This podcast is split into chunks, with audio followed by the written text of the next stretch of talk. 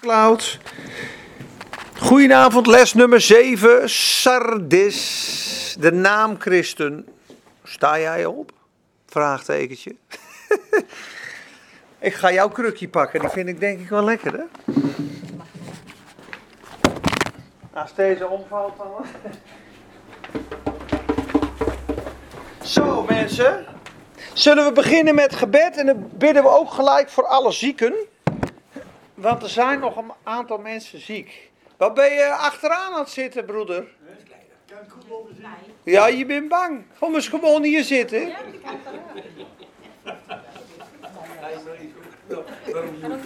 Ja, hij is bang dat hij ziek wordt. Duizend zullen vallen aan uw rechterhand, tot u zal het niet genaken. Dan ben de zes ziek. Die voelen zich nu eh, niet zo lekker. In Jezus' naam. Vader, we danken u in de machtige naam van de Heer Jezus Christus. We danken u, Heer, dat u met al uw volheid in ons bent komen wonen. En we zegenen ook deze avond, Vader. We nodigen u uit door uw Heilige Geest. Jezus, door de Geest in ons midden. Waar twee of drie vergaderd zijn. Heren, en we hebben de week bij ons en we hebben onze gedachten bij ons en onze gevoelens. Maar we leggen dit allemaal af aan de voet van het kruis. En we geven onze zorgen en onze momenten aan u. En we geven ons ook vandaag weer aan u en vanavond. En wij vragen, Vader, kom met uw geest, kom met uw waarheid, kom met uw woord. Onderwijs ons, leer ons en troost ons. En we bidden speciaal voor hen die ziek zijn, Heer die niet kunnen zijn. Heer, dat uw warme olie op hun hoofden druipt op dit moment. In Jezus' naam, dat engelen schenken met grote schalen warme olie, die balsem van Gilead. Dat hun hart zal juichen, dat hun immuunsysteem een boost krijgt. Geen booster in de prik, maar een boost van de hemel, van de Heilige Geest. De kracht van God en zijn woorden. Heer, was ons in uw bloed. Zegen het woord machtig, Heer. Maak het woord levend vanavond. Mogen we u proeven. Mogen we u zien. Mogen we veranderd worden. Wilt u zo deze zaal vullen met uw aanwezigheid? Was ons in uw bloed. Salf ons met uw olie, Heer. Maak ons zo schoon. Heer, til ons op. Vertel ons vandaag, Heer, wat we nodig hebben om te horen. Heer, we bidden ook dat dit woord uit zal gaan tot ieder oor, tot ieder hart waar het komt, dat het vrucht zal dragen. Met geloof, Heer. In Psalm, of in Jesaja 55 staat het zo mooi. Zijn woord keert nooit ledig weder, maar het zal doen daar waartoe hij het uitgezonden heeft. En zo bidden we, Heer. Zegen ons vanavond, zegen mij ook vanavond. Neem de regie, neem de leiding. Heer, dat de teksten en de woorden gesproken worden, de zaken plaatsvinden en uitgelegd worden zoals u het behaagt, Heer. Schijn met uw licht en de zalving en de geest van wijsheid en openbaring, Heer, en zegen ons hoofd voor hoofd. We geven u dankzegging, lofprijs en eer, want u bent in ons midden, Heer, en in u kunnen we ons verheugen, te midden van de stormen, te midden van de dreiging. Heer, de duisternis zal over de aarde komen en donker, donkere duisternis over de mensen. Maar over ons zal het licht opgaan en de glorie van de Heer zal op ons gezien worden. Heer, hoe donkerder de nacht, hoe helderder de ster. En zo bidden we dat voor vanavond. Geloof, hoop, liefde, zegen en kracht en aanraking. U zij geloofd en geprezen. En dank u wel, Heer. U bent de eregast vanavond. In Jezus' naam. Amen. Amen. Amen. Nou mensen, we gaan... eh, Ik ga toch op een gewone stoel zitten. Hij zit wel lekker, alleen ik zit altijd met mijn benen wijd en ik beweeg heel veel. Dus ja, dit is meer een stoel, een luie, lekkere luie stoel. Maar we zijn nu aan het werk. Heerlijk. Ik dacht even lekker te zitten in die fauteuil, maar kijk. Ik ben een beetje speels, hè? Zo. Goed mensen, we beginnen te lezen in openbaring 3, vers 1 tot 6. En we hebben een paar nieuwelingen. Dat is eh, de meiden van de zonnestudio, die moeten helaas eh, wat eerder dicht. En belde van de week op, Peet, zullen we dan woensdagavond bij jou komen? Ik zeg geweldig. Maar eh, als je een lekker bruin tintje wil in de winter, dan weet je ze te vinden. De zonsalon. Lekkere schat, met een mooie lach. En eh, dan hebben we nog Amanda en jouw naam ben ik nu ineens kwijt. Arjen, Arjan, Arjan? Arjan, ja. Zijn uitgezonden geweest naar, ik meen, Madagaskar. Ja. Ja, drie jaar lang. Voelden dat ze terug moesten komen. Hebben dat goed aangevoeld, want anders hadden ze misschien nu vastgezeten in de corona-perikelen. Eh, wat dan ook. Maar eh, ja, ze hebben de heren lief. Ze spreken ook in de Lighthouse en we zijn eh, blij dat ze er zijn. We hadden anders wat minder mensen, maar jullie hebben de zaal goed opgevuld. Ja, hoe is het Theo? Met mijn nek. Nek nog steeds? Nou, ik- het is, de pijn verandert, maar eh, er is wel genezing bezig. Oké. Ja. Dirk Bos, kijk Dat eens. komt wel goed, eh, vermoed ik. Ja, Dirk Bos, goeiedag man. Goedenavond. Sardis, openbaring 3, 1 tot 6. En als het je lukt om je telefoon, of eh, je telefoon, je microfoontje uit te zetten onder in beeld. Geweldig. Hey, we hebben zevende les. Eh, ik ga gewoon beginnen. Jullie gaan gewoon mee in de stroom. En eh, als je iets niet begrijpt, dan trek je maar aan de bel. En we hebben gezegd, het boek Openbaring, er wordt altijd een beetje mysterieus over gedaan. Het is zo moeilijk, het is zo moeilijk, het valt wel mee, zeiden we de eerste les. Matthäus is veel moeilijker. En dat zegt Watchman Nee ook. En het is, eh, het is gewoon zo, als je het leest in de geest en God legt het uit, dan, eh, dan komt het goed. En eh, Satan wil het allemaal mysterieus houden, omdat zijn val erin beschreven staat. En het oordeel. En alles zit in het boek Openbaring, het bloed, het koningschap, de profetische beelden, wie Jezus is. En nu ehm, gaan we lezen over Jezus en vanavond gaan we alle zeven na. Dus dat is wel leuk, want elke zeven van de gemeente heeft een zegen, een rijke zegen aan het eind. Twee van de zeven hebben geen bekering van nodig. De tweede, Smyrna, de leidende kerk, geen bekering. En de zesde, Philadelphia, broederliefde. Staat ook geen bekering bij. Die zijn goed bezig. Dus je weet nu al, als je het volle pakket van de zegen wil, moet je in broederliefde en lijden voor Jezus, vol gas voor de koning, dan zit je goed. Dan zegt hij, jij hoeft je niet te bekeren, schat. Dan ga je, gaat als een jekko, ga je. Dus, eh, maar in Sardis, waar we nu komen, eh, spreekt hij eh, over de tijdlijn. Hè. Ehm, het zijn ook tijdlijnen, want de eerste gemeente was de eerste eeuw. De tweede gemeente Smyrna was de, de tweede, de derde en de vierde eeuw, de leidende kerk. Daarna kwam Pergamos met Constantijn, de keizer. Die zei, joh, ik ben ook christen. Iedereen is christen. We maken het een nationaal geloof. Welkom allemaal. Geen bekering, wel bekering, maakt allemaal niet uit. Jezus houdt van iedereen. De wereld in de kerk.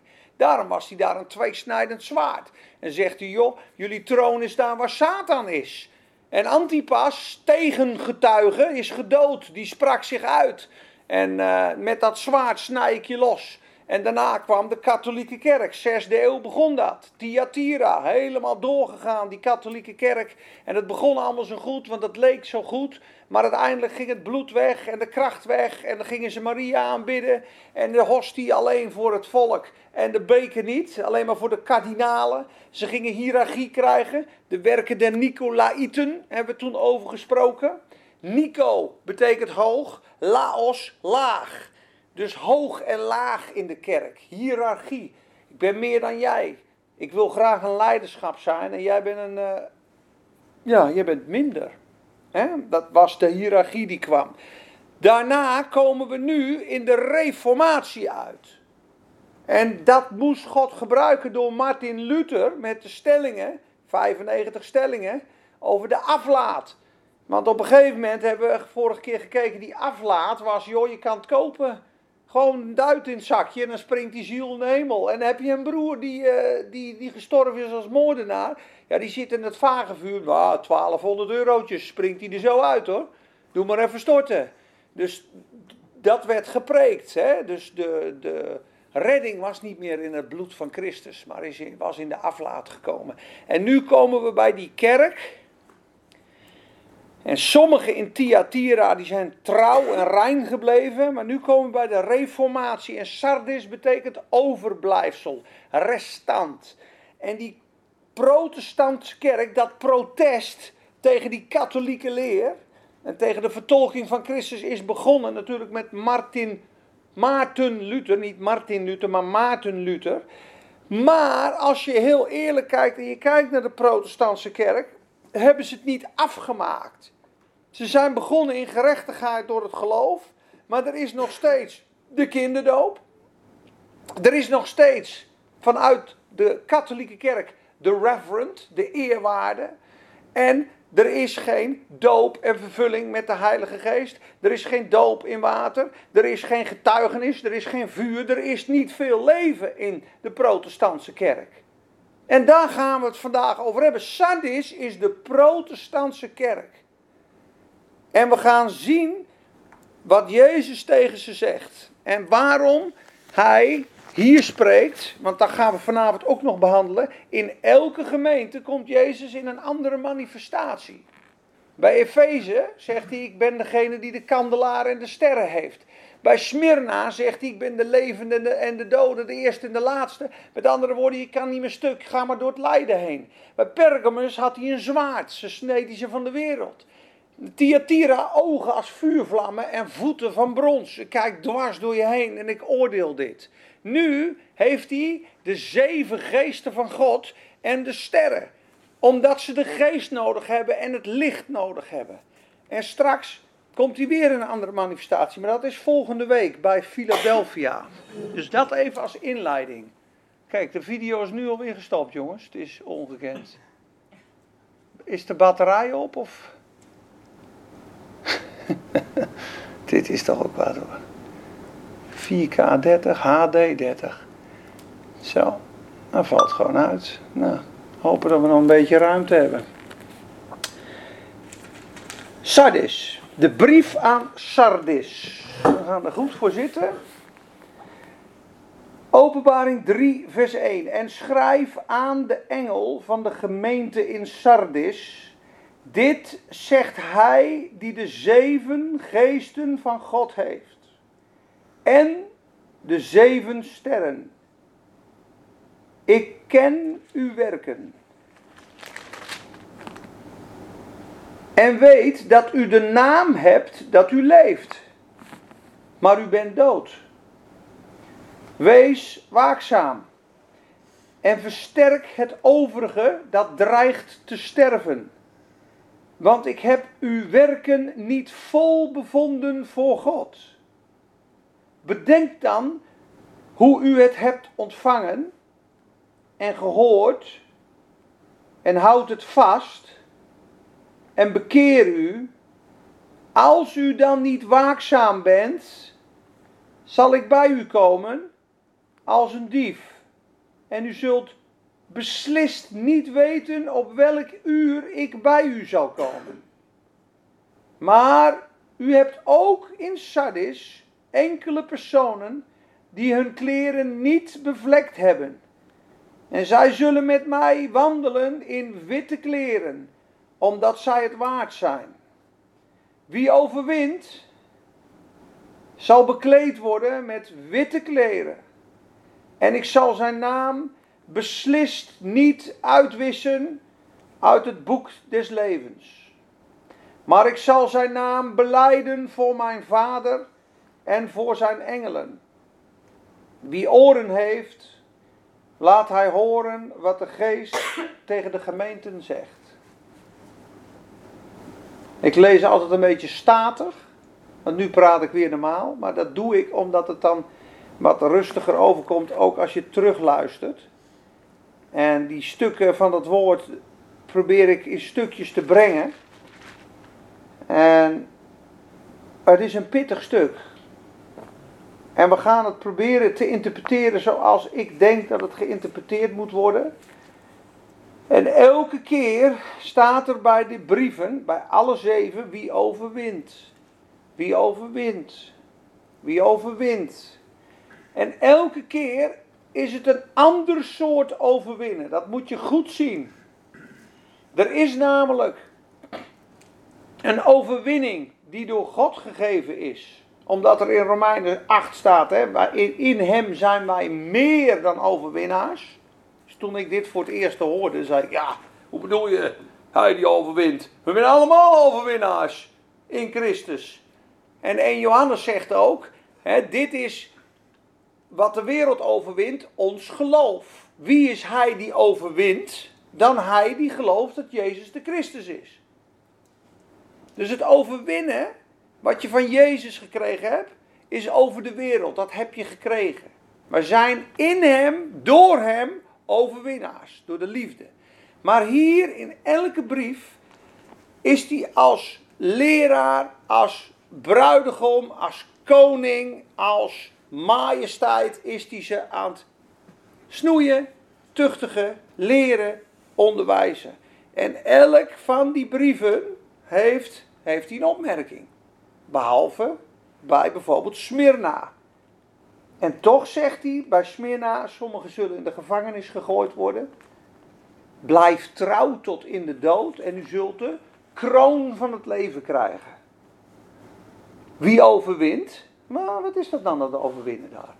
Ja, dat trouw zijn tot in de dood. En wat was het overwinnen bij Pergamus? Ja, de leer van de Nicolaïten en de leer van Biliam. Dat afgoderij, hoererij en trots en hiërarchie. Dat moet je overwinnen. En dan krijg je van mij het verborgen manna, een witte steen en een nieuwe naam. Dus dit is zegen bovenop je redding. Zullen we dat goed onthouden? Zegen bovenop je redding. Loon, kroon, erfenis. Ik heb je gekocht met mijn bloed. Ik heb het net nog met Arjan erover. God hield van ons. Maar hoeveel houden we van hem? Hoeveel geef je terug in dit leven? Hoeveel geef je dan op voor de koning? Neem dan dagelijks uw kruis op en volg mij. En dan kom je straks boven en zegt hij, lieve schat, ik had je twee talenten gegeven, je hebt er vier gemaakt. Wat geweldig. Heb autoriteit en gezag over vier steden. We zullen straks met Jezus heersen. We willen groeien in geloof, groeien in liefde. En hoe meer je wil groeien, is hoe meer je overgeeft aan Jezus. Alles wat jij opgeeft voor Jezus, waardoor Hij meer ruimte en liefde en leven in je krijgt, gaat Hij je ook nog eens vol kronen en belonen. En dat gaan we straks zien. Maar deze brief, persoonlijk, zie ik anders. En ik ga je straks uitleggen waarom. We beginnen namelijk te zien dat hè, hij tegen de kerk praat. Alsof hij nu tegen allemaal christen spreekt. Hè, maar elk, elk van die gemeentes zijn kerken. Alleen ik kom zelf uit de protestantse kerk. En ik weet dat dit half-half kiele-kiele is. Dat staat er ook. U hebt de naam dat u leeft. Maar u bent dood. Maar hij dood bent is niet goed. Dus geestelijk dood. Hein Posma zei vroeger, dat zijn naamchristenen. U hebt de naam dat je leeft, maar je bent dood. Ik heb geen één van uw werken vol bevonden voor God. Geen één. Dat is heftig. Dus je, het geloof in Christus niet vol bevonden. De bekering niet vol gevonden. Het geloof in het kruis, de bloed, de doop, de opstanding. Het, al die werken die jij van God ontvangt. Ik heb uw werken, het is niet uw goede werken. Want, want op het moment dat je op Jezus vertrouwt, is het een werk van geloof uit God. Dit is het werk van God. Het, vragen ze op een gegeven moment aan Jezus: hey, hoe zullen we de werken van God werken? En dan zegt Jezus: Dit is het werk van God. Dat je gelooft in de enige geboren zoon van God. Dat is het werk van God. Dus nul van die werken heb hij vol bevonden voor God. Dus ik dacht van de week, ik moest nog aan even denken, half werk. ik was wel eens chaotische te maken, half werk, zei hij dan. Maar ik zit hier te kijken, jongens, ze hebben de naam dat ze leven, maar ze zijn dood. Ja? Ik heb geen enkel van uw werken vol bevonden voor God. Ze zijn half werk. Dus het is een twijfelgeval. Dus ik zie hier kinderen van God en geen kinderen van God in Sardis. Er zijn onbekeerde mensen in Sardis die dood zijn en die er tegenaan zitten, maar half-half. We gaan straks zien dat als Jezus zegt: Ik zal mijn, uw naam beleiden voor mijn vader. Ik zal u nooit uit dit boek doen. Ik zal u geen zins uit het boek halen. En ik zal uw naam beleiden voor mijn vader. Wat zegt hij, hè? Wie overwint? Maar wat moeten ze dan hier overwinnen? Dan vraag ik het aan jullie. Wat moet Sardis overwinnen om die volle zegen en die belofte van Jezus te ontvangen?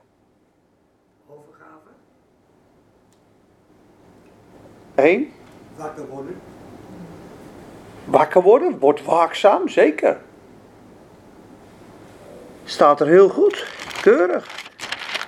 Ik ken uw werken. Ik weet dat u de naam hebt dat u leeft, maar u bent dood. Wees waakzaam. Kijk, wees waakzaam. Goed zo. Versterk het overige dat dreigt te sterven. Dus we zitten hier in die overgang van die katholieke kerk. Ja, die is zo ver doorgegaan met de, de, de Maria-verering, eh, de hostie. Gaat niet meer om het bloed van Christus, gaat om goede werken. Ja? En als je dat door laat gaan, versterk het overige wat dreigt te sterven. Dan had het helemaal dood gegaan. Dan komt Maarten Luther, die komt hier met de reformatie, komt zeggen, nee, niks, dat geldt, niks die werken, alleen Christus. Alleen Christus worden we door gered. Niks met, met, met je aflaat en je leugens en je goede werken. Om niet worden wij gerechtvaardigd door de verlossing die in Christus Jezus is. We zijn lief gehad door God toen wij nog zondaren waren, zegt hij. God demonstreert zijn liefde jegens ons hierin dat Christus voor ons gestorven is toen wij nog zondaren waren. En het loon wordt niet toegerekend naar genade, maar naar schuld.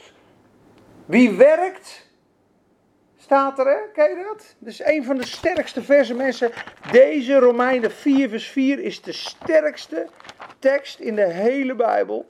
Zegt een koning van de Romeinenbrief, dus echt een, een uitlegger over de Romeinenbrief, die dat 30 jaar lang deed die een hele serie geschreven heeft waarvan het doordrenkt was van inzicht. Die zegt Romeinen 4 vers 4 is de allersterkste tekst over gerechtigheid. Hij voor mij een beetje water, misschien. Vraag ik elke week in een kwartier.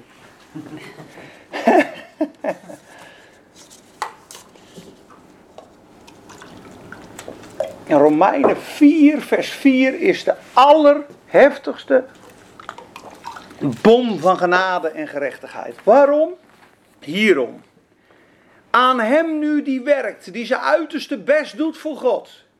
Laten we zeggen een katholiek iemand. Wordt het loon niet toegerekend naar genade, maar naar wat hem verschuldigd is. Bij hem echter die niet werkt, die niet werkt, die niet zijn best doet voor God, maar zijn vertrouwen stelt op God, maar gelooft in Hem die de goddeloze rechtvaardigt. De goddeloze rechtvaardigt. Wordt zijn geloof gerekend tot gerechtigheid. Moet je nagaan, wie zijn vertrouwen stelt op Hem, op God, die de goddeloze rechtvaardigt. Moet je nagaan dat wij in ons hoofd hebben, nee, de goddeloze, nee, de godzalige. God rechtvaardigt de, godzalige. Die rechtvaardigt, die houden ze op. Niet de goddeloze, die haat die, die flikkert die in de hel. Nee, dit is nou de pure genade. Je bent zo goddeloos en zo extreem schuldig. En God zegt, luister, ik op het diepst van jouw zonde, maximaal vijand ben jij. Om mijn grote genade en barmhartigheid te tonen, sterf ik voor jou aan een kruis. Toen jij nog mijn vijand was. Maar dat zegt Romeinen 5. Want misschien is er onder de mensen wel een goed persoon te vinden die voor een goed iemand sterft. Maar Christus bewijst zijn liefde jegens ons hierin dat hij stierf, dat God Christus gaf en stierf toen wij nog zondaren waren. Hoeveel te meer zullen wij dan behouden worden van hem, door hem van de toren? Want indien wij vijanden waren, wij verzoend zijn met God door de dood van zijn zoon, ja, hoeveel te meer, hoeveel te meer, nu wij verzoend zijn, zijn kinderen zijn, zullen wij gered worden door zijn leven. Dat staat er. Moet goed onderstrepen. Vijanden van God worden gered door de dood van Jezus. Ja? Dus je bent een vijand. Je wordt gered door de dood van Jezus. Hoeveel te meer nu jij een vriend van God bent. Word jij behouden door het leven van Jezus? Dus daar wil God mee zeggen: luister, jij was pikzwart. Ik heb het voor jou geregeld. Je kan er niks aan toevoegen. Ik rechtvaardigde jou toen jij goddeloos was. Dus weg met al je werken. Wie werkt? Ik reken het naar schuld. Dan ben je. Dan, nou, ga de hele wet maar houden dan, als jij het zo goed kan. Nee, dat kan ik niet. Nee. Dus er is een andere weg tot zaligheid en die is uit genade. Hem die niet werkt, Heer, ik werk niet, ik staak mijn pogingen, maar ik vertrouw op U, die de goddeloze rechtvaardigt, de goddeloze rechtvaardigt. Dat is apart. Wordt zijn geloof gerekend tot gerechtigheid. Hoe onnatuurlijk is dit, jongens? Want wij allemaal, dag Anna, wij allemaal willen toch het, het goed doen voor God. Dat willen we toch, van nature. En niemand kan het met God in orde maken door goede werken. Zijn we het daarmee eens? Ja. Ja, oké. Amen. Amen. Oké, en toch staat er daarna, hij heeft ons zalig gemaakt, opdat we vol zouden zijn van... Ja, dat is goed. vrouw. Oh, oh je moet even je microfoontje uitzetten, hè? Onder in beeld, als dat lukt. Ja, top. Hij is al uit, super. Dus ik ga even naar Efeze 2 om jullie dat te laten zien. En dan gaan we daarna weer verder. Want dit is even een basis die we leggen. Efeze 2, vers 9 en 10. Ik begin even in vers 8. Efeze 2, vers 8 tot 10. Let op wat er staat. Want uit genade bent u zalig geworden. Geworden, is verleden tijd hè. Door het geloof. En dat geloof niet uit u. Het is een gave van God. Het is allemaal uit God. Niet uit werken. Niet uit werken, opdat niemand zou roepen, roemen. Ja, niet uit werken, opdat niemand zou roemen. Van, oh, ik heb het zelf verdiend. Want wij- zijn zijn maaksel, geschapen in Christus Jezus, om goede werken te doen. Die God van tevoren bereid heeft, opdat wij daarin zouden wandelen. Dus eerst zegt hij, joh, je kan het niet met, met, met werken in orde maken met God als een genadegave. Maar nadat het met God in orde gemaakt is, bij zijn kunstwerk. En het je geschapen tot goede werken. Maar vanuit Christus. Snap je dat de dode werken zijn? Ik doe het in mijn eigen kracht.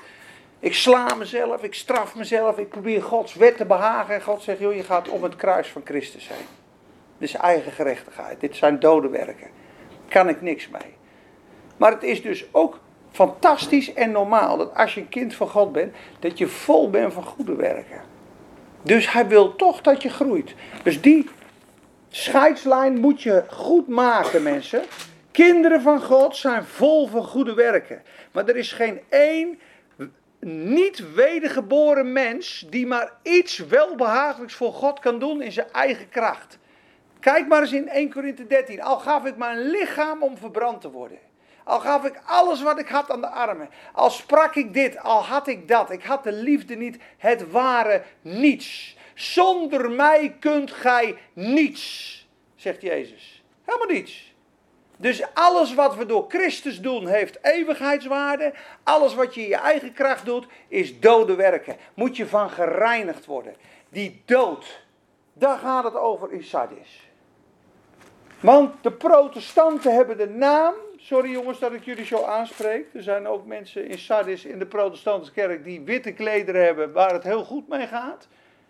Maar het gaat er echt over. U hebt de naam dat u leeft, maar u bent dood. Wees waakzaam. Versterk het overige dat dreigt te sterven. Want ik heb uw werken niet vol bevonden voor God. Bedenk dan hoe gij het ontvangen hebt.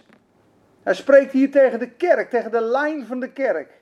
En houd vast, houd het vast en bekeer u. Zie je, ze moeten zich bekeren, ze moeten het vasthouden, ze moeten waakzaam zijn. Als u dan niet waakzaam bent, zal ik bij u komen als een dief en u zult beslist niet weten op welk uur ik bij u zal komen. Ga ik eventjes op in. Want wij hebben vorige keer besproken over de wederkomst. Jullie waren dat niet bij, ik heb het net met hun besproken. Er is een heel verkeerd concept over de wederkomst in heel veel kerken die zegt, luister, alle kinderen van God gaan automatisch omhoog. Ja, ik heb geen opslagruimte meer, jongens. Nou, er is geen video, er is alleen audio. Nou, ik had nog wel foto's gewist, maakt niet uit. Er is een leer die zegt, joh, alle kinderen van God, maakt niet uit waar ze staan, die gaan allemaal omhoog voor de grote verdrukking. Maakt niet uit. Waakzaam, niet waakzaam, zondig, niet zondig. Ruzie met uh, broeders.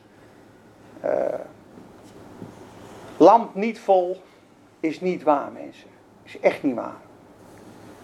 Er staan veertig teksten in het Nieuwe Testament over de wederkomst en misschien nog wel meer, waarvan 27, dus twee derde ruim, ja, bijna drie kwart, een waarschuwend karakter heeft. De wijze en de dwaze maagden moesten klaarstaan. Heb uw lendenen omgord en uw kaarsen brandende.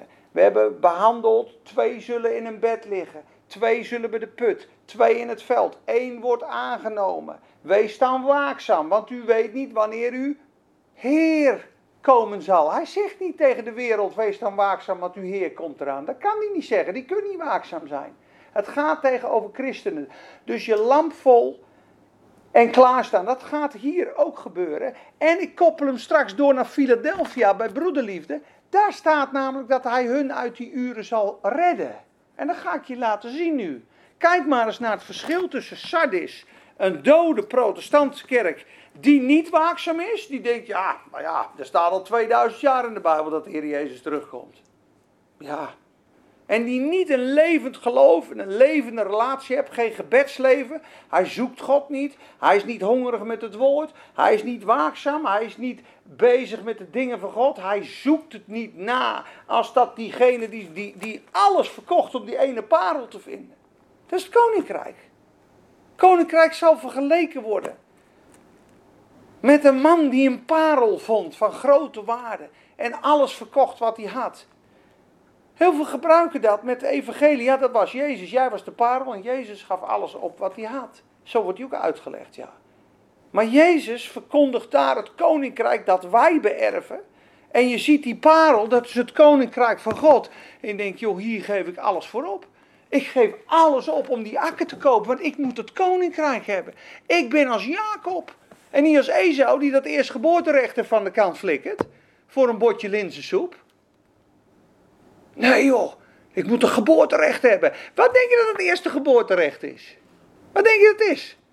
Eerste geboorterecht is de eerste opstanding. Is regeren met Jezus. Dat het Esau zo overboord geflikkerd. Met onreinheid en onwaakzaamheid. En Jacob denkt, dat geboorterecht moet hebben. is de eerste opstanding. Gaan we nu niet verder op in. Maar kijk hier. Hoofdstuk 3, vers 2.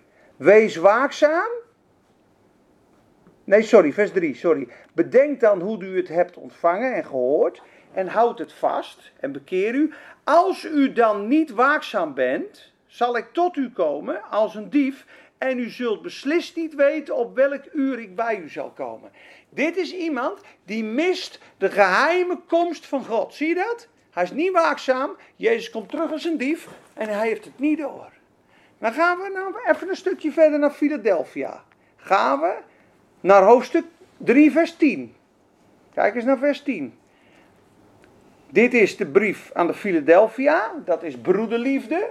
Daar staat geen bekering. En daar staat er, omdat u het woord van mijn volharding hebt bewaard. Hé, hey, dat klinkt als volharding, als waakzaamheid, toch? Volhard. Het woord van mijn volharding. Volhard tot het einde toe. Zal ik ook u bewaren voor het uur van de verzoeking die over de hele wereld komen zal, om die op de aarde te wonen te verzoeken. Zie, ik kom spoedig, houd vast wat u hebt, opdat niemand uw redding zal wegnemen, nee, uw kroon. Zie je dat? Het heersen, het regeren.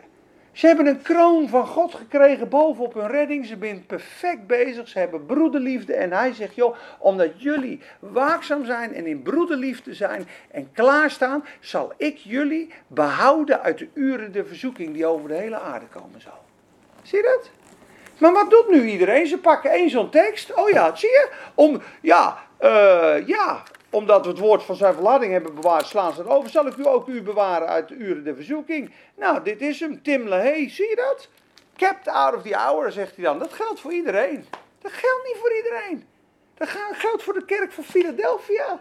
Die heeft geen ruzie met zijn broeder. Die zit in broederliefde. Die is waakzaam. Die heeft zijn lamp vol. Die zegt: Jezus is nummer één. Ik heb het net toch over de bruiloft. Dat hij geen kleed aan had. Of dat hij eerst een span ossen ging kopen. Dus Jezus op één, je kaars vol, zit je bij de eerste lichting. Dan ga je niet door de verdrukking. Waarom niet? Omdat de test al klaar is. Die verdrukking die straks gaat komen en die komt over de hele aarde is een test. Voor iedereen. Waar sta je dan? Wat is er dan werkelijk in je hart? Ben je echt van God of ben je van de wereld? Kies je dan voor je zekerheid? Straks wordt dit je ontnomen. Ja, nee, nee, mijn baan moet ik. En dit moet ik houden. Nee, nee, nee, nee, nee. Of zeg je, nee joh, mijn baan, dan maar mijn baan. Ik ga Jezus volgen. Alles kan op het altaar. Jezus is wat waar ik voor sta. En dat is het verschil tussen Sardis en Philadelphia. Dus ze zijn niet waakzaam. Ze hebben niet de geest. Daarom zegt Jezus ook. Dit zegt hij die de zeven geesten van God heeft. En die de zeven sterren heeft in zijn hand. Dat zegt hij aan het begin, hè? De zeven geesten van God en de zeven sterren. Wie weet wat de zeven geesten van God zijn? Jij wel? Wel toch? Vraag heb ik nog bij de Heer liggen. Ja, nou dan krijg je vanavond antwoord. De zeven geesten van God staan in Jesaja 11, vers 2. En de zeven geesten van God worden uitgedrukt in de menorah-kandelaar. Jesaja 11, vers 2. Jesaja 11, vers 2. De geesten van Jezus, de geesten van God waren allemaal op Jezus. En het antwoord voor deze kerk, waar hij net het zwaard was in Pergamus om ze los te snijden, om ze levend te maken, hebben ze de zeven geesten van God nodig. Door dat gaat leven brengen voor hun. Dus de protestantse kerk moet de geest ontvangen. De Heilige Geest, de doop in de Geest. Ze moeten gaan zoeken, hun volle bekering gaan nemen, dat hun werken vol bevonden worden. Volle bekering, volle doop, vol geloof, volle vervulling. En dan komen ze tot leven. Zevenvoudige geest van God, de uitstorting van de geest. En wat is die geest van God in het midden? Die kandelaar, die menorah heeft één grote dikke paal in het midden. En die olie komt in de eerste en de tweede, in de derde en de vierde, in de vijfde en de zesde. Dus we hebben zes lampen en één megalamp. Kijk eens wat hier staat. Op hem zal de geest van de Heer rusten, dat is de middelste. En dan komt de eerste, de geest van wijsheid en inzicht. De geest van raad en sterkte. Drie en vier. De geest van de kennis en de vrezen des Heren. Jezaja 11 vers 2. De zeven geesten van God. Zijn ruiken zal zijn in de vrezen des Heren. Hij zal niet oordelen naar wat zijn ogen zien. Hij zal niet vonnigen, vonnissen naar wat zijn oren horen. Hij zal de armen recht doen in gerechtigheid. De zachtmoedigen van het land zal hij met rechtvaardigheid vonnissen. Wat een raar woord. Maar goed, Jezus had de zeven geesten van God. Hij had de geest van God in zijn volheid op hem. Hij had de geest van wijsheid en openbaring. Spirit of wisdom and revelation, waar staat die? Efeze 1. Verlicht de ogen van uw verstand af. Hij geeft u de geest van wijsheid en openbaring. Raad en sterkte. Die geest. Weet je wat dat is? Zonder de raad, zonder te luisteren naar God, is er geen kracht. Dus de raad en de kracht van God in je leven komt als je eerst zijn raad ontvangt. Heer, wat moet ik doen in deze situatie? Je wordt stil, je krijgt zijn raad. Hé, hey, dat moeten we doen. En op die raad, op dat woord, zit de kracht van God. Daarom is een profetisch woord vanuit God, of een woord wat je uit God ontvangen hebt als je dat spreekt, die heeft het al ontvangen. De Heer zegt dit tegen jou, boom. Er zit er volop kracht op. Want het is Gods woord, ik heb het ontvangen. Psalm 100, eh, 106, vers 15, meen ik, hoef je niet op te zoeken. Zal ik even opzoeken? Daar staat dat ze niet wachten op zijn raad. Dat ze geen kracht hadden.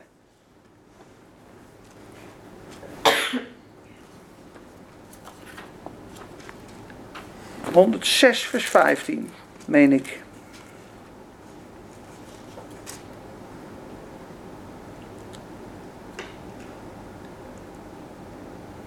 Oh ja, vers 106 vers 13. Zij vergaten spoedig zijn werken. Zij wachten niet op zijn raad. Dus ze gingen het in eigen kracht doen. Oh, we doen zelf. Dat is nou dode werken. Het niet in de relatie van God doen. Niet wachten op God. Dus wil je de kracht van God in je leven?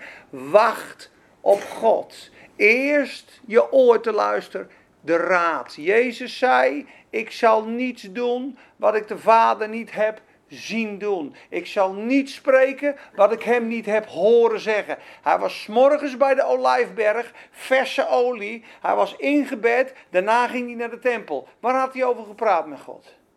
Vandaag gaan we dit doen. Dan gaan we die kromgebogen vrouw gaan we opzetten. Dan gaan we het huis, huis, huis van Jairus. Dan gaan we die, dan gaan we die. Dan gaan we naar de overkant met de boot. Het is allemaal één dag, jongens. Hè? Lees het maar eens. Matthäus 4 tot 10 is anderhalve dag, die zes hoofdstukken. Lees maar eens als je thuis bent. En vanaf daar ging hij naar de overkant. En vanaf daar kwamen twee melaatsen. En toen kwam hij in het huis van Petrus. En legde de hand op de schoonmoeder. Van daaruit kwamen die en die en die en die. En op een gegeven moment is die moe.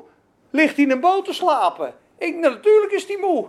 Hij is 24 uur aan het rammen geweest. Heer Jezus, we vergaan. Waarom, denk je dat hij in hoofdstuk 10 zegt? En toen riep hij de 70. Het was een beetje te veel voor hem. Hup, twee aan twee demonen uitdrijven. Dat is een werk. Lees het maar. Raad en sterkte. Wacht op God. Full power. Zij die de Heeren verwachten, putten nieuwe kracht. Ze zullen opstijgen als arenden. Ze wachten op de wind. Ze zullen rennen en niet moe worden. Ze zullen wandelen en niet mat raken. Geen burn-out voor degenen die op God wachten. Mooi hè? Raad, sterkte. Wisdom en revelation. Wijsheid krijg je als je het woord van God gaat doen. Het is niet wijsheid, hij heeft heel veel wijsheid. Weet je wat een wijs man is? Die het woord doet. Ik zal u zeggen wie een wijs man is, zegt Jezus. Hij die mijn woorden, hoort en ze doet, is een wijs man. En de storm kwam en zijn huis bleef staan. Maar wat doet een wijs man die de, die de werken van God doet? Krijgt daarna inzicht. Ik heb het altijd omgedraaid in mijn leven. Ik denk, joh, het moet eerst eens een dikke openbaring komen. Zo, hè? Van Gods genade, van Gods liefde. Die openbaring gaat komen, jongen. Dan zie je hem, dan ken je hem. Ja, en dan ga je die dingen doen, hè. Kom maar, heer, met dat licht, die openbaring. Maar die komt niet. Die komt niet, die komt pas als je zegt, ja heer, ik zie het niet, ik doe het, ik snap het niet, maar ja, uw woord zegt, ja, uh, spreek tegen de berg, ja, ik zie het nog niet, maar ik begin maar te spreken, ik begin maar te doen en stapje voor stapje wandelen in het woord op het water. En dan zegt God, kijk, zie je, weer licht. Weer inzicht. Wijsheid is het woord doen. Als je het woord doet, krijg je inzicht. Ik doe altijd zijn gebod, want zijn gebod is eeuwig leven. Wil je openbaring van God? Gaan we straks nog even behandelen als we tijd hebben. We gaan gewoon door. Halleluja. Alle zegeningen gaan we straks langs van die zeven brieven. Alles wat jouw hart begeert op geestelijk gebied staat in die zeven brieven. Jij een lijstje mocht maken van joh, dat wil ik, dat en dat en dat en dat en dat en dat. Je diepste hartsverlangen geestelijk staat in deze zeven brieven. En Jezus geeft ze allemaal. Wil je daar komen? Dat is het vrijste. Wil je dat? Dat is het vrijste. Het woord doen, boem, krijg je openbaringsschat. Ja, kom je uit de wereld? Verborgen manna. Witte steen? Geef ik je. Identiteit? Wil je weten wie ik ben? Ja. Wil je weten wie jij bent? Ja. Ja. Pergamos. Uit de wereld. Ga je het zien. Als je in die wereld bent, kun je het niet zien. Als je uit het bos komt en je staat hier, denk je donderdagen. Natuurlijk. Hoe duidelijk is dat? Maar hier zie je door de boom het bos niet meer. Snap je dat je eruit vandaan moet komen? Dat je dan zicht krijgt. Dus wijsheid, inzicht. Het woord doen, ik ga het zien. Wachten op God, full power. En dan de kennis en de vrezen des Heren. Je God gaat kennen, ga je hem steeds meer aanbidden. Dus als je kennis verzamelt over God, je leest en je zoekt en je zoekt en je zoekt en je ogen gaan open voor zijn grootheid, voor zijn kennis. Lees maar Exodus 10, lees maar in de Bijbel hoe groot God was. En als je dat ziet, wordt je hart overtuigd en dan zeg je, joh, hoe groot zijt gij. En daar begint ook jouw aanbidding. Want de vrezen des Heren, mensen, ik weet niet of jullie dit kennen, maar Jezus noemt het de aanbidding des Heren. Ja, en dat kan ik bewijzen uit de Bijbel. Gaan we eventjes doen als laatste. Vinden jullie dat goed? Matthäus 4, daar staat dat op een gegeven moment de Satan bij hem komt, weet je wel. Eh, doe even die broden, die stenen, maak er even stenen van dan. Gooi jezelf even naar beneden bij de tempel. Nou, dan zegt hij op een gegeven moment nog één keer. Kniel voor mij, zegt hij. Matthäus 4, vers 9. Kniel voor mij. Nou, Jezus, als jij voor mij knielt en mij aanbidt, zal ik u alles geven. En Jezus zegt, vers 10. Toen zei Jezus tegen hem, ga weg Satan. Want er staat geschreven, de Heere uw God zult u aanbidden en hem alleen dienen. Dat staat er, hè? let op. Wat is de verwijzing? Er staat geschreven, er staat een eetje bij. Dat eetje, dat verwijst naar Deuteronomium 6 vers 13. Moet je even kijken wat Deuteronomium 6 vers 13 zegt. Want deze tekst haalt Jezus aan. En in Deuteronomium 6 vers 13, dat waarvan Jezus zei, joh, Satan, hou je mond, er staat geschreven, daar staat, u moet de Heer uw God vrezen en hem dienen en bij zijn naam zweren. En wat zegt Jezus net? Gij zult de Heer uw God aanbidden en hem zult u dienen. Dus Jezus noemt de vrezen des Heren de aanbidding des Heren. Zie je dat? De vrezen des Heren, moet je hebben. Het is God aanbidden. De aanbidding van God is de vrezen voor God. Hoe meer je Hem kent, hoe meer je Hem gaat aanbidden. Hoe meer je Hem gaat aanbidden, hoe meer je hem op Hem gaat lijken. Want je verandert in datgene wat je aanbidt. Ja, sommige mensen aanbidden hun hond, die gaan lijken op hun hond. Heb je het wel eens gezien? Dat is echt zo, hè? Die ben best eenzaam, die kijken de hele dag naar die, boel, naar die bulldog. En die veranderen gewoon in die bulldog. Wij zullen worden.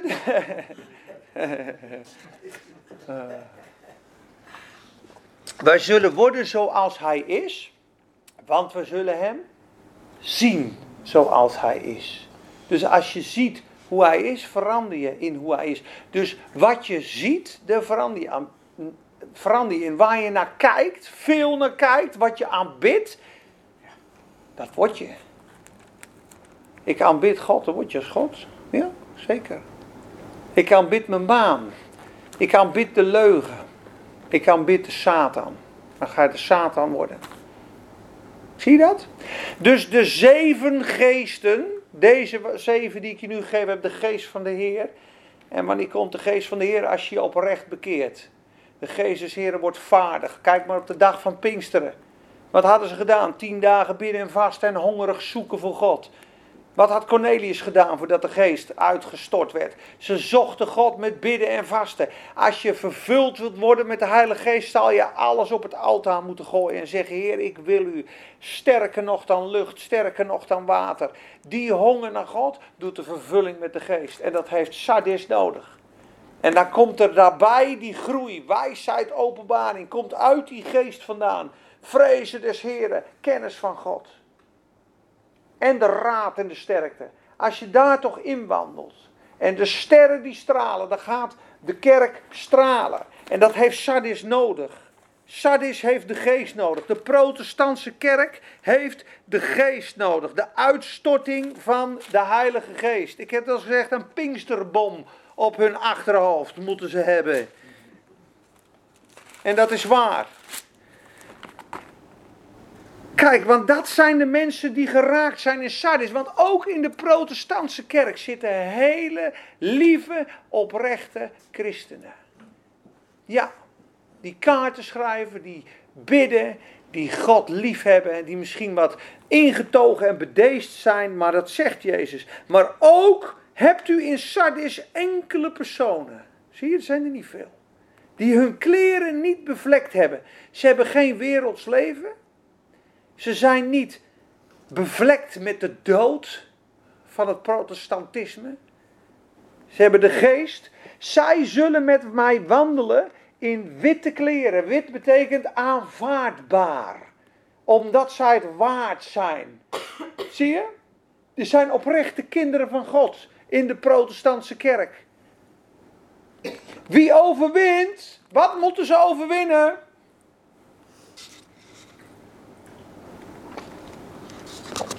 Wie overwint in Sardis? De deadness of Protestantism. De dood. Het dode werken moeten ze overwinnen. Het dode geloof. Het halve werk. De naam Christen. De, de slappe, niet Christus zoekende slaapheid. Want ze moeten waakzaam zijn. Ze moeten zich bekeren. Dus ze moeten uit het kerksysteem wat dood is. Uit het traditionele dode geloof moeten ze komen. Uit Sardis. Dat moeten ze overwinnen. Ze moeten tot leven komen. Ze moeten volle werk hebben. Ze moeten tot waakzaamheid komen. Ze moeten de geest ontvangen. Dat heeft Sardis nodig. En iemand die dat is, gaat naar Philadelphia. En weet je wat daar voor een belofte voor is? Want nu wordt het een belofte. Wat Jezus gaat zeggen. Vroeger was ik doodsbang voor die tekst. Dan zegt de Heer Jezus in Lucas 20, komen ze terug van de demonen uitgedreven. Oh, de demonen zijn ons zelfs onderworpen, Heer Jezus. Komen de discipelen aan. Dan zegt hij, jongens, je niet verheugen in het feit dat die demonen naar je luisteren. Verheug je veel meer dat je naam in de hemel opgetekend staat. Dat je kind van God bent, daar moet je je verheugen. En dan kwam altijd deze tekst bij mij. Ja, maar ja, ja, je kunt uit het boek geschrapt worden, hè. Ja, wat heb ik er nou aan? Ja, heer, vandaag sta ik erin, morgen eruit. Ja, u, ik weet ook niet. Hoe moet ik me nou verheugen dat mijn naam in de hemel getekend staat? Ik zal u geen zins uit het boek uitdoen. Geen zins uit het boek uitdoen. Als je het nou zo gaat lezen, dat hij het tegenovergesteld zegt. Hij zegt niet, ik krasje uit het boek. Hij zegt, wie overwint, wie tot levend geloof komt, zal ik geen zins nooit meer uit het boek krassen. Dat zegt hij. Maar ik zal jouw naam beleiden voor mijn vader. Ik heb onderlaatst nog gebeden voor een profetisch woord voor iemand. Ik zeg, bid ze over beleven, weer wat vragen. En het derde woord was, zijn naam is bij mij bekend. Had diegene over mij ontvangen. Zijn naam is bij mij bekend, zegt de Heer. De namen die opgeschreven zijn in de hemelen. En ik zal zijn naam geen zins uitdoen uit het boek des levens. En dan kom ik bij Johannes 10, vers 28. Ik lees dit stuk, ik geloof het. Iedereen mag zijn eigen uh, doctrines hebben, maar ik lees in de Bijbel dat een waarachtig wedergeboren kind van God, wat we nu gaan lezen, volgens mijn koning Jezus, geen zins verloren gaat tot in de eeuwigheid. Johannes 10, vers 28 tot 30. En ik begin in vers 26 om het even in context te lezen.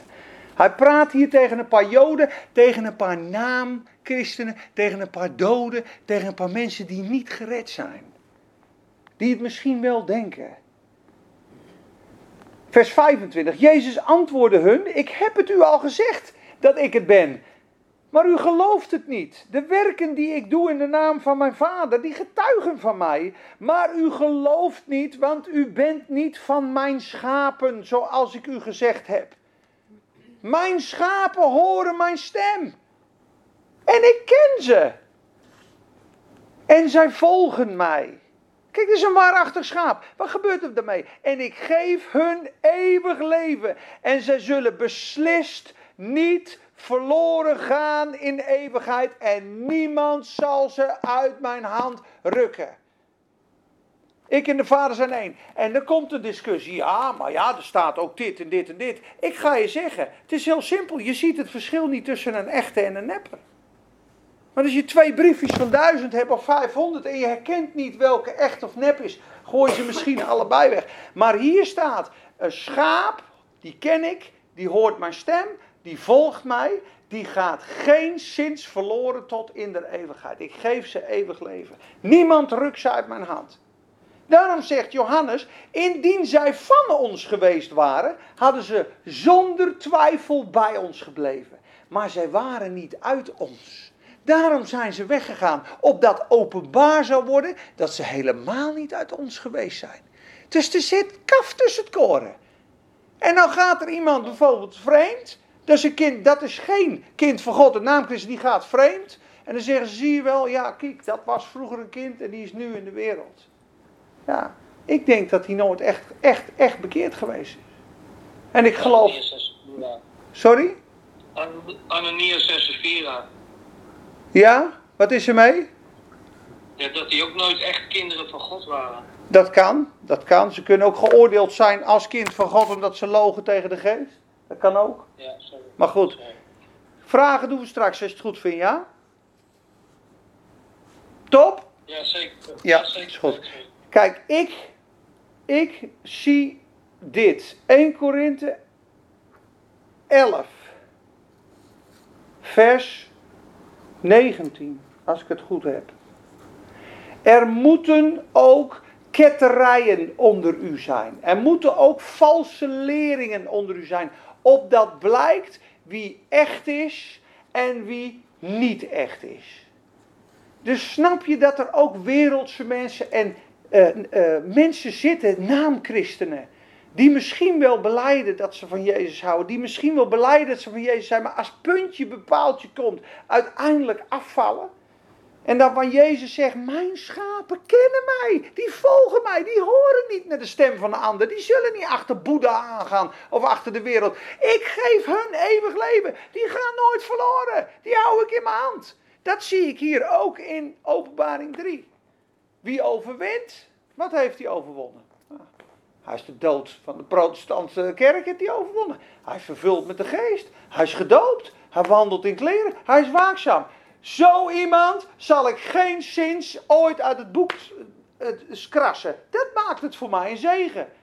Want nu denk ik, hé, mijn naam is opgetekend in de hemel. Ja, daar kan ik me zeker in verheugen. Maar ik ga niet meer weg uit zijn hand. En ik zal je naam beleiden voor mijn vader. En ga daar maar eens naartoe in Lucas 10, vers 20, want dan zie je gelijk het verschil tussen een echte en een nep christen. En dat staat daar heel duidelijk beschreven. Hoe kan je het herkennen? Matthäus 10 of Lucas 10? Mag je zelf kiezen, het staat er allebei. En ieder dan die mij beleiden zal voor de mensen, zal ik ook beleiden voor mijn Vader die in de hemel is. Zie je dat? Maar wie mij verloochenen zal voor de mensen, zal ik ook verloochenen voor mijn Vader die in de hemel is. Dus is dit iemand die staat voor Jezus, die ervoor uitkomt dat hij bij de Heer Jezus hoort, die zal ik beleiden voor mijn Vader. Nou, wat staat erachter in Openbaring 3? Ik zal hem geen zins uit het boek doen, maar zijn naam beleiden voor mijn vader. Dit is iemand die staat voor de Heer Jezus. Die verloochent Jezus niet en die zegt, hé, hey, ik hoor bij Jezus. Go- Gooi mij eruit, gooi mij eruit. Jezus is mij alles waard. En de ander zal zeggen, joh, eh, dat vind ik allemaal een beetje te overdreven. Dus een beetje dat Calvinistische juk, dat hoef ik niet op me. Ik geloof op mijn eigen manier. Ik geloof stilletjes. Ja, je hoeft er niet aan meer over te praten. Oh nee, je hoeft er niet aan meer over te praten, nee. Nee. Dag in dag uit zoek ik hem. Zie je het verschil tussen een namaak en een dode en een echte?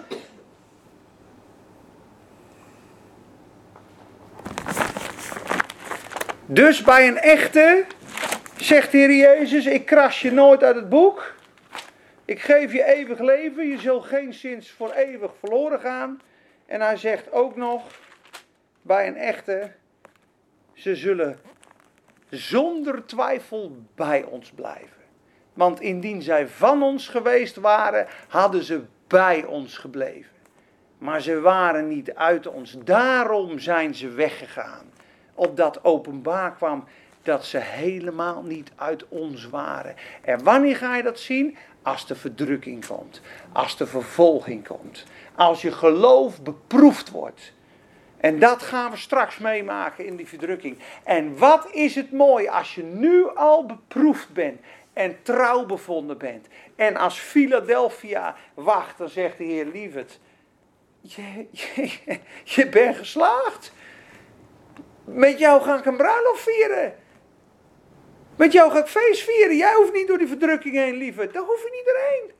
Je, bent niet meer, je hoeft niet meer getest te worden. Je bent getest. Dit, dit toets was dat je stond voor mij op je werk. Je bent je baan verloren voor mij. Jij bent je baan verloren voor mij. Jij stond hier. Je kreeg een klap in je gezicht, een rachel. Ze lachten je uit op de verjaardagen. Maar je bleef staan voor mij. En elke morgen stond je op om te bidden. En je zocht de armen op en de zieken. En je zocht mij. En je, je bent niet volmaakt, maar je zocht mij. Ja. Ja, je bent mijn bruid. Ja, jou kom ik halen, schat. Ja, maar de rest van de oogst, wat aan het eind van de verdrukking gaat, de rest van de oogst, dit zijn de eerstelingen. De eerstelingen zijn als eerste rijp. Die zijn waardevol. Het eerste emmertje haring. De eerste vruchten van het veld gaan rechtstreeks naar de tempel. En de rest van de oogst moest er doorheen. Want in die grote verdrukking leer je bidden, jongens. Nood leer bidden. Reken maar dat de kerkmuren wegvallen straks. Ja, dan begon hij te eten en te drinken met de wereld en zijn broeders en zusters te slaan. En in zijn hart zei hij, mijn Heer vertraagt. En zijn Heer kwam op een moment dat hij het niet wist. En gaf zijn deel met de hypocrieten. Ga maar, blijf maar jongen. En dan gaan ze de vervolging van Antichrist krijgen, de God van de wereld. En die gaat hen zo persen. Of dat teken, of je kop eraf. En ik lees het zo mooi, jongens. Allen die het beest aanbidden, zullen het teken nemen. Dan degenen die geschreven zijn in het boek van het lam van de grondlegging der wereld af. Dus diegenen in dat boek geschreven zullen het niet nemen. Want als die dagen niet ingekort werden, zouden zelfs, indien het mogelijk was, de uitverkorenen misleid worden. Dus God heeft zijn uitverkoring en zijn kinderen, dat staat vast. Maar dat kind wat ongehoorzaam, smerig, hoogmoedig is en hem niet zoekt, zegt hij liever blijf maar even. Want je moet echt van die wereld verlost worden. God heeft ons gered met onze geest vanuit het koninkrijk der duisternis naar de licht gezet. Maar ons lichaam, ons denken zit nog helemaal in die wereld. Dus we zijn uit Egypte, maar Egypte moet uit ons. Snap je dat wij die wereld moeten verzagen en dat God wacht, wacht, want die gaat straks die wereld oordelen, dat hij wacht tot we eruit komen? Net als Lot. Wat zeggen die engelen? U moet weggaan, want anders kunnen we niets doen. Anders kunnen we niets doen. Laten ze naar Soar gingen ze. Lots vrouw draaide zich om. Zat nog vast aan die spulletjes. Remember Lot's wife, zegt hij op een gegeven moment. Zie je dat ze dat Sodom en Gomorra moesten offeren en helemaal daar weg van zijn? Totdat dat vuur komt, dat is precies nu. Straks komt dat oordeel op die aarde en God wil dat helemaal niet.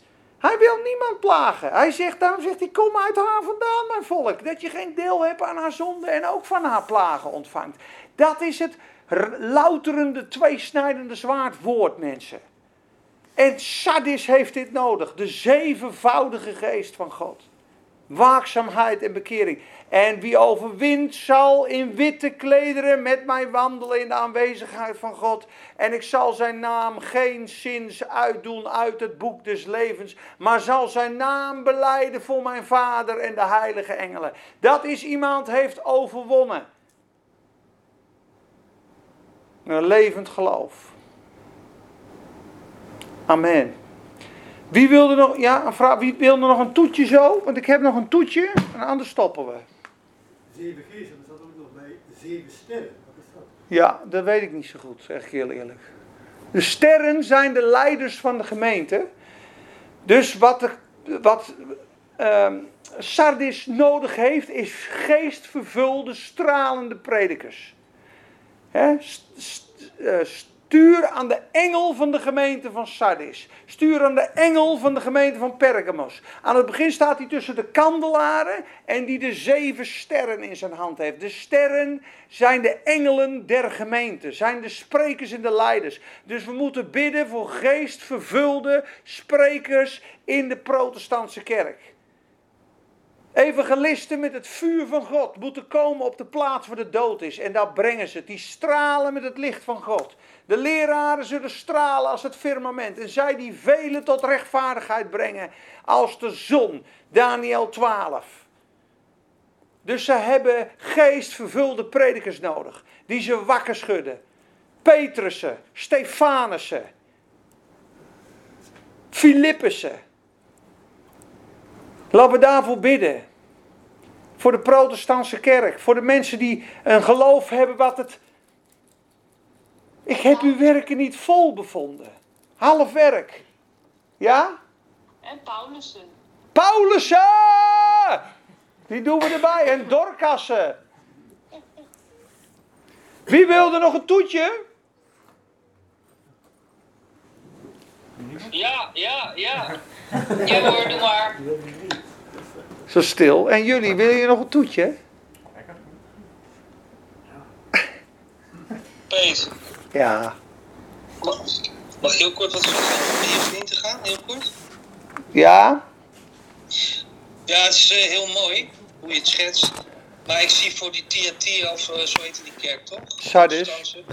Zie ik, ook, eh, ja, zie ik ook voor onszelf best wel om te onderzoeken. Want in Johannes 6, 66 kwamen ze onder brood. Jezus wist het al en toen gingen ze weg. Demas die ging naar de wereld om hem heen. Mhm. En het is ook goed om, weet je, om jezelf te onderzoeken, om, om echt ja, in hem te blijven en honderdvoudig te ontvangen. Dus dat, Ja. dat vond ik ook, dat sprak mijzelf ook aan. Ja.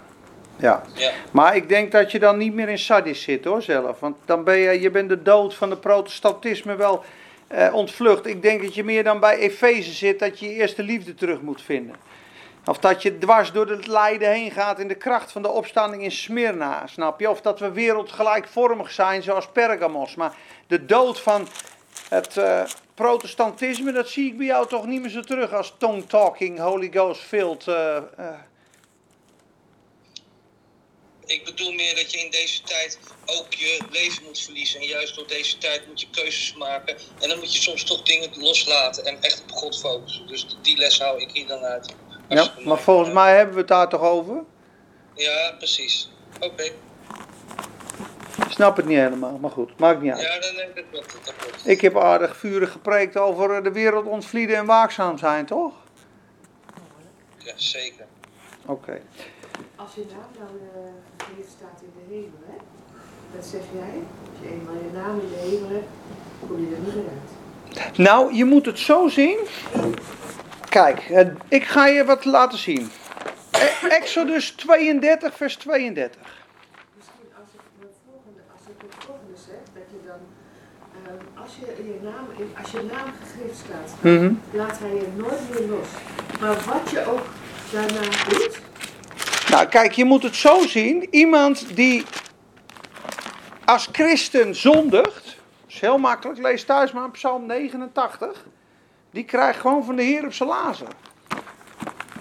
Dat zorgt hij gewoon voor. Hij zegt in 1 Korinthe 11, als wij met door de Heer getuchtigd worden, gedisciplineerd worden, dan doet hij dat opdat we niet met de wereld veroordeeld zouden worden.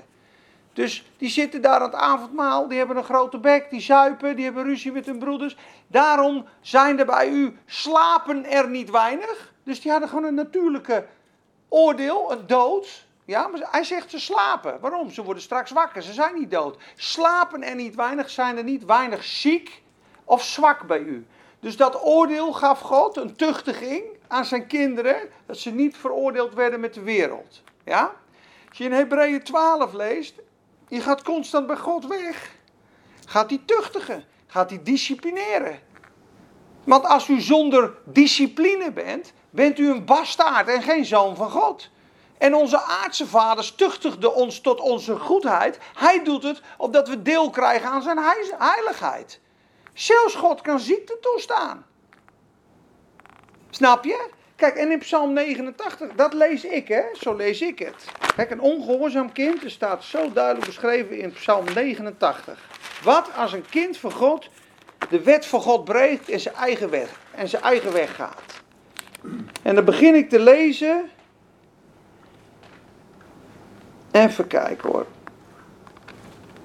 In vers 27. En dat gaat over Jezus. En dat is David van het oude verbond. Hè? Hij zal tot mij roepen, u bent mijn vader, mijn God en de rots van mijn heil. Psalm 89, vers 27. Ik zal hem tot een eerstgeboren zoon maken, tot de allerhoogste van de koningen der aarde. Dat is Jezus, hè? Ik zal mijn goede tierenheid tegenover hem voor eeuwig houden en mijn verbond met hem trouw blijven. Ik zal zijn nageslacht, de kinderen van Jezus, voor eeuwig laten bestaan en de troon als in de dagen van de hemel. Als zijn kinderen, kinderen van Jezus, mijn wet verlaten en in mijn bepalingen niet gaan, als ze mijn verordeningen ontheiligen en mijn geboden niet in acht nemen, dus nagaan, dat is een ongehoorzaam kind van God, dan zal ik hun overtredingen met roede straffen, tuchtiging. En hun ongerechtigheid met slagen. Ja? Maar mijn goede tierenheid zal ik bij hem niet wegnemen. En in mijn trouw zal ik niet falen. Ik zal mijn verbond niet ontheiligen. En wat over mijn lippen gekomen is, niet veranderen. Eens heb ik gezworen bij mijn heiligheid.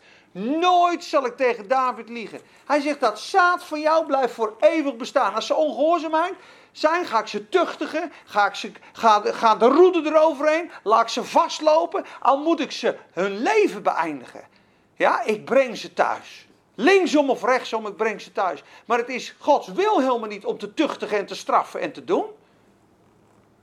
Maar daarom zie je ook in 1 Korinthe 5 die man die met zijn schoonmoeder leeft.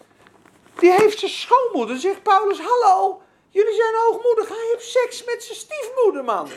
Dit is hoererij, dat vinden we niet eens bij de heidenen. Deze man moet uit de gemeente geworpen worden. Dat zijn lichaam naar de Satan gaat, maar zijn geest behouden wordt in de dag van de Heer. Dus het is een kind van God. Als hij die moet getuchtigd worden, knal hem er maar uit. Geef hem dan maar over aan de boze.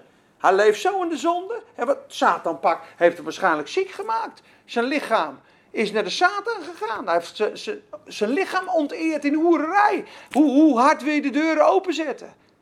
Wie de tempel van God zal schenden, God zal hem schenden.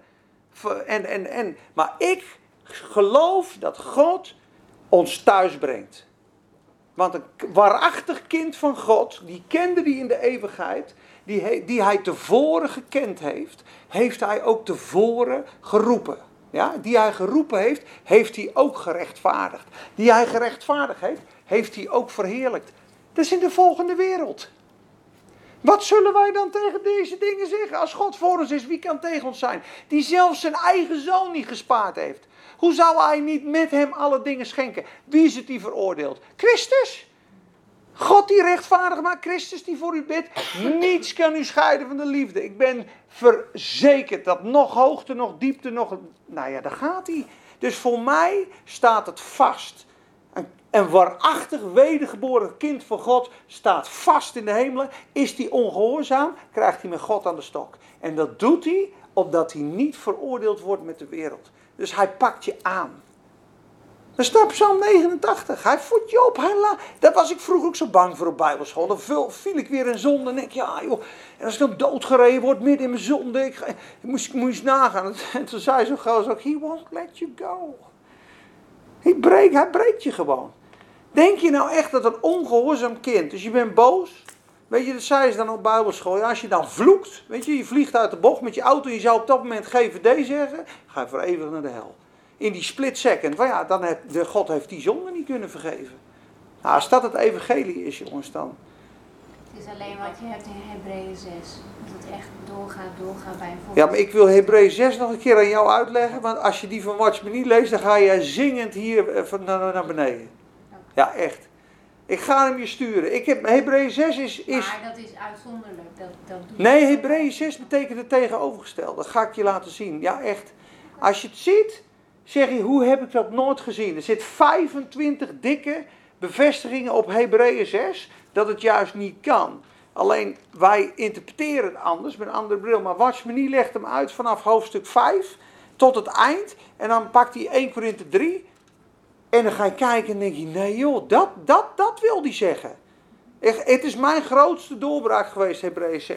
In een studiebijbel van Watchmenie, toen mijn auto kapot ging, s'nachts om 1 uur bij iemand gaan slapen. Die had zo'n studiebijbel. Toen heb ik al die angstteksten opgezocht, in acht uur lang, in, in een hele week, want mijn auto was kapot. En toen kreeg ik antwoord op antwoord op antwoord. En toen kwam ik bij Hebreeën 6. Ik denk, alles klopt, maar Hebreeën 6, daar kan je niet omheen. Dat kan niet. Want ik, ik viel terug in drugs en dan lag ik op mijn kussen. En dan zei de duivel, zie je, jij hebt hem opnieuw gekruisigd. Voor jou is het onmogelijk om ooit nog tot bekering te komen. Nu heb jij hem echt opnieuw gekruisigd. Dus ik was altijd doodsbang voor die tekst. Zij kruisigen de zoon van God opnieuw en maken hem tot schande. Weet je wel? Ja, ik kan er nu niet op ingaan, het is te lang. Ik wil het volgende keer doen. Zonde, maar ik zie het meer dat je hem echt werkelijk verloochent en Ja, afwijst met je hele wezen. Ja, dat lijkt, dat lijkt er te staan. Maar als ik het je uitleg, hij spreekt tegen kinderen.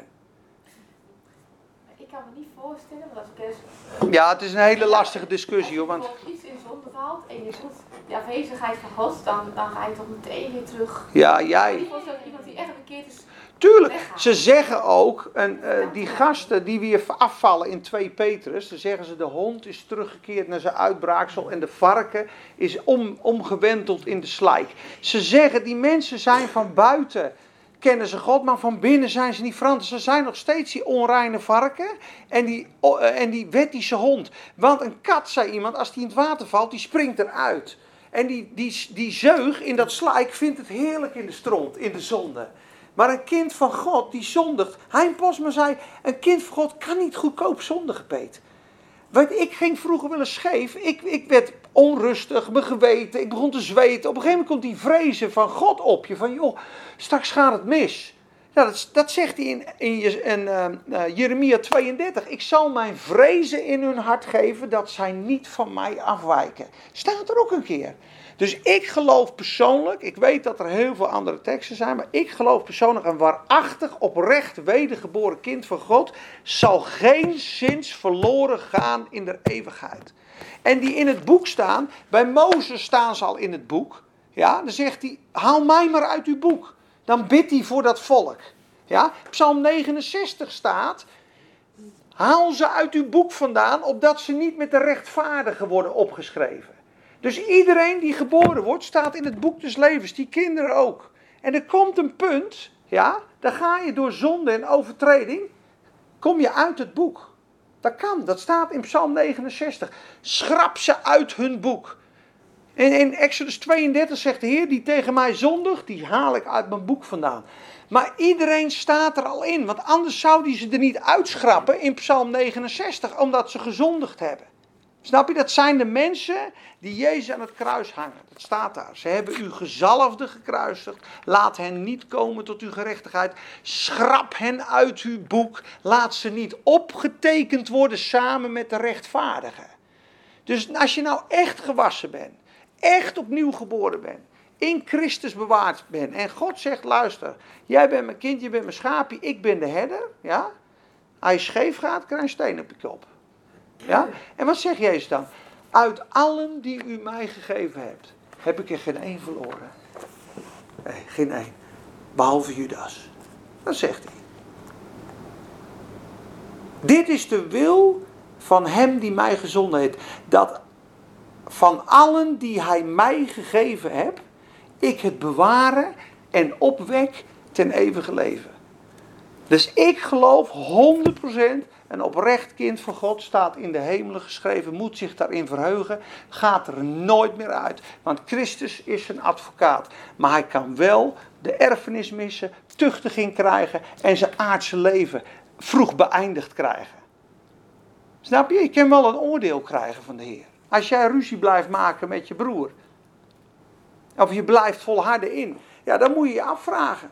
Snap je? En dan kom je op een gegeven moment kom je op het punt, was het een echt christen of was het geen echt christen? En niemand moet spelen met zijn verlossing. En niemand moet in, in de zonde zich prettig vinden. Een, een, waarachtig kind van God voelt zich, bij mijn weten, niet lekker in de zon. Maar die discussie is groot in de kerk. Maar als je die tekst leest, we hebben Sardis overwonnen. Ik zal hem geen zins uitdoen uit het boek des levens vind ik een bevestiging. Als die zegt, ik geef mijn schapen eeuwig leven, ze zullen geen zins verloren gaan in de eeuwigheid. Ja, ik vind het een belofte. En niemand zal ze uit mijn hand roven. En niemand rooft ze de hand van mijn vader. Ja, dan zeiden ze in andere kerk, ja, maar je kan zelf weglopen uit zijn hand. Ja, goed, als jij het gelooft, prima. Ik, ik, ik geloof het niet, want ik lees dan, als ze van ons geweest waren, hadden ze bij ons gebleven. Maar ze waren niet van ons, daarom zijn ze weggegaan. Dus ik geloof, een echt kind van God die voor Christus gekozen heeft, is in de verleden eeuwigheid door God al gepakt en is in de volgende eeuwigheid al vast. En daarom zegt hij ook, alle dingen merken, werken mede ten goede voor hen die God verkoren heeft. Want die hij tevoren bestemd heeft, uitgekozen heeft hij ook voorbestemd om te worden als zijn zoon. Dus hij zegt, joh, ik heb jou gered Jou maak ik net als Jezus. En daarom wil ik al deze dingen mee. Lees het maar Romein 8. Heb ik in een vaste tijd gevraagd toen ik ook bang was. Ik zei, hier kan je dan afvallen. Want ik lees het hier en ik lees dat boek. Ik kreeg Romein 8 van de Heer. Van 28 tot 39. Lees het maar eens een keer of 6, 7, 8. Daar staat gewoon die hij tevoren gekend heeft. Dat is de predestinatie. Ik heb Marianne tevoren gekend. En toen ik haar tevoren gekend heb, heb ik haar ook geroepen. Ja, gered. Toen heb ik haar gerechtvaardigd. Ook al verheerlijkt. En ik heb haar voorbestemd een beelddrager van mijn zoon te worden. Ja, daarom weegt het lijden van deze tegenwoordigheid niet op tegen de heerlijkheid die in ons geopenbaard is. En daarom staat er, zo zal hij alle dingen medewerken ten goede omdat hij al weet, joh, daar, ik heb jou al klaar. Ik zie jou al in de hemelse gewesten stralen met mij. Ik zie jou van eeuwigheid tot eeuwigheid. En dan, dan krijg je gewoon, God heeft ons geen uh, kalme reis beloofd, maar wel een behouden aankomst. Ja, ik lees het zo. En dat geeft mij heel veel houvast. En ik ben er zeker van overtuigd, als je veel in de zonde leeft, gaat dit helemaal schudden. Dan word je doodsbang. Ik heb wel eens in de zonde geleefd en dan het doorgaan. En uh, ja, op een gegeven moment word je doodsbenauwd. Dan denk je echt, ja, als ik nu, als ik nu, ja, dat klopt. Er komt, een, er komt een angst. En misschien is het wel zo dat je inderdaad na drie, vier, vijf maanden, dat je, dat je op een punt kan zijn dat je af kan vallen. Misschien, ik weet het niet. Maar ik persoonlijk heb altijd de angst en de vrees. Ik ga terug naar God. En ik heb, ik heb ik heb te veel beloftes en te veel van God geleerd uh, om het anders te zien.